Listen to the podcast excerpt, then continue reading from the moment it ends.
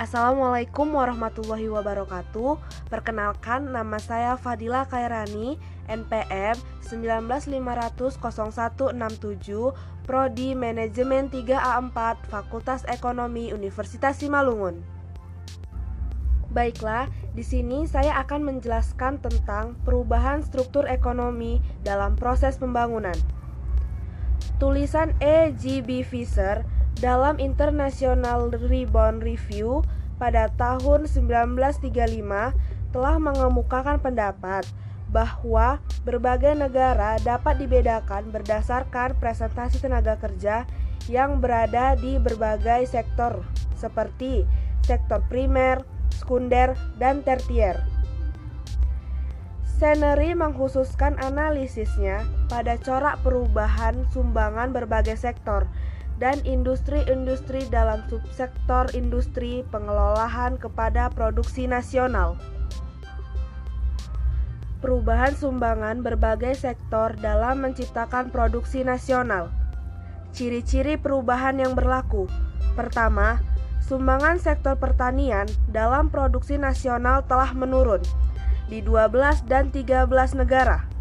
Kedua, pada tahun-tahun permulaan dari masa yang diobservasi, sumbangan sektor tersebut berkisar di antara 20 sampai 30% dari seluruh produksi nasional.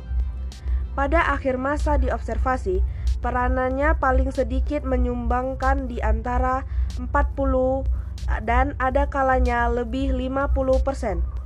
Ketiga, Sumbangan sektor jasa dalam menciptakan pendapatan nasional tidak mengalami perubahan yang berarti, dan produk itu tidak konsisten sifatnya. Di Swedia dan Australia, peranannya menurun. Di Kanada dan Jepang, peranannya meningkat, dan pada kebanyakan negara, perubahannya tidak begitu nyata. Faktor yang menyebabkan perubahan struktur ekonomi pertama, Keadaan yang demikian disebabkan oleh sifat manusia dalam kegiatan konsumsinya, yaitu apabila pendapatan naik, elastisitas permintaan yang diakibatkan oleh perubahan pendapatan atau income elasticity of demand adalah rendah untuk konsumsi atas bahan-bahan makanan. Kedua, perubahan struktur ekonomi disebabkan oleh perubahan teknologi yang terus-menerus berlangsung. Perubahan teknologi yang terjadi dalam proses pembangunan akan menimbulkan perubahan struktur produksi yang bersifat komplus dan individu. Perubahan struktur penggunaan tenaga kerja di berbagai sektor. Ciri-ciri perubahan penggunaan tenaga kerja di berbagai sektor. Pertama, Peranan sektor pertanian dalam menyediakan kesempatan kerja menurun di tiap-tiap negara, termaksud di Australia. Di beberapa negara, penurunan sangat besar sekali. Pada permulaan masa yang diobservasi di beberapa negara seperti Amerika Serikat, Jepang, dan Rusia, peranan sektor pertanian dalam menyediakan kesempatan kerja melebihi 2 per 3 dari seluruh tenaga kerja. Kedua, Peranan sektor industri dalam menyediakan kesempatan kerja menjadi bertambah penting. Akan tetapi, kenaikan tersebut secara relatif sangat kecil di Prancis, Swedia, Belgia, dan Belanda. Penerapan meningkat hanya sebesar 0 poin dan mengalami perkembangan yang relatif besar. 3. Peranan sektor dalam menyediakan kesempatan kerja tidak mengalami banyak perubahan seperti di Inggris, Belgia, Belanda, Swedia, dan Australia. Tetapi di negara-negara lain, peranannya mengalami kenaikan relatif yang sangat besar sekali. Faktor yang menyebabkan pola perubahan yang berbeda. Menurut Kusnes, perbedaan di atas disebabkan oleh perbedaan dalam perkembangan tingkat produktivitas di masing-masing sektor dalam proses pembangunan.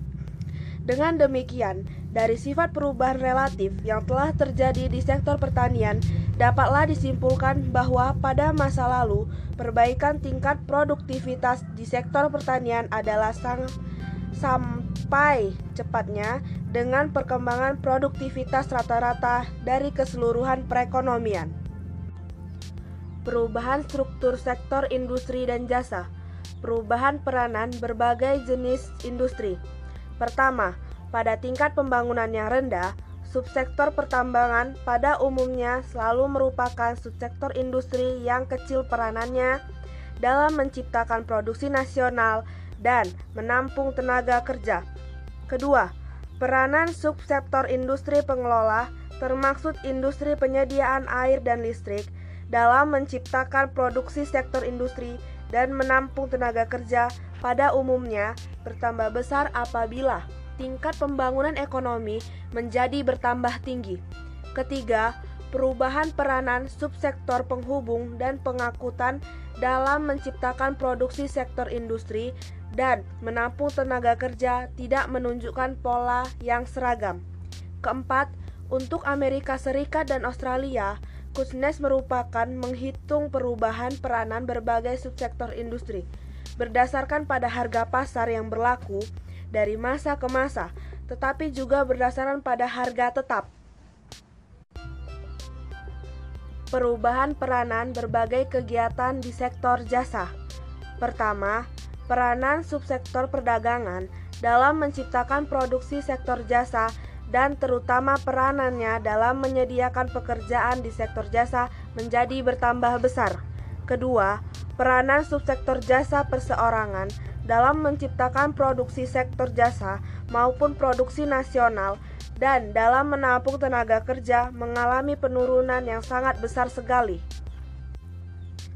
Walaupun peranan sektor jasa dalam menampung atau menyerap tenaga kerja yang terdapat dalam perekonomian meningkat, peranan sektor jasa tersebut dalam menciptakan pendapatan nasional tidak mengalami perubahan ataupun penurunan. Faktor yang menimbulkan keadaan ini, seperti telah dijelaskan pada bagian yang lalu, adalah karena tingkat produktivitas di sektor jasa berkembang lebih lambat dari perkembangan tingkat produktivitas rata-rata yang terjadi dalam keseluruhan perekonomian. Perubahan struktur industri menurut analisis Senery Analisis sendiri mengenai corak perubahan struktur sektor industri dalam proses pembangunan menggunakan data yang berbeda dengan yang digunakan oleh Kusnet. Sebab perbedaan sarana sektor industri di berbagai negara. Pertama, luasnya pasar. Kedua, bentuk distribusi pendapatan. Ketiga, kekayaan alam. Dan keempat, perbedaan keadaan di berbagai negara perubahan struktur perekonomian negara berkembang. Dapat disimpulkan bahwa pertumbuhan ekonomi yang dialami negara berkembang yang dalam uraian ini dimaksudkan sebagai kenaikan pendapatan per kapital dari sebesar 100 US dollar menjadi sebesar 1000 US dollar. Ciri-cirinya adalah seperti berikut. Pertama, tabungan dan pembentukan modal. Kedua, pendapatan pemerintah. Ketiga, pendidikan. Empat, struktur permintaan domestik. Kelima, struktur produksi. Keenam, struktur perdagangan. Yang ketujuh, penampungan tenaga kerja. Kedelapan, urbanisasi. Dan sembilan, distribusi pendapatan. Sekian penjelasan saya tentang perubahan struktur ekonomi dalam proses pembangunan. Semoga penjelasan saya ini bisa menambah wawasan dan pengetahuan teman-teman pendengar sekalian. Terima kasih.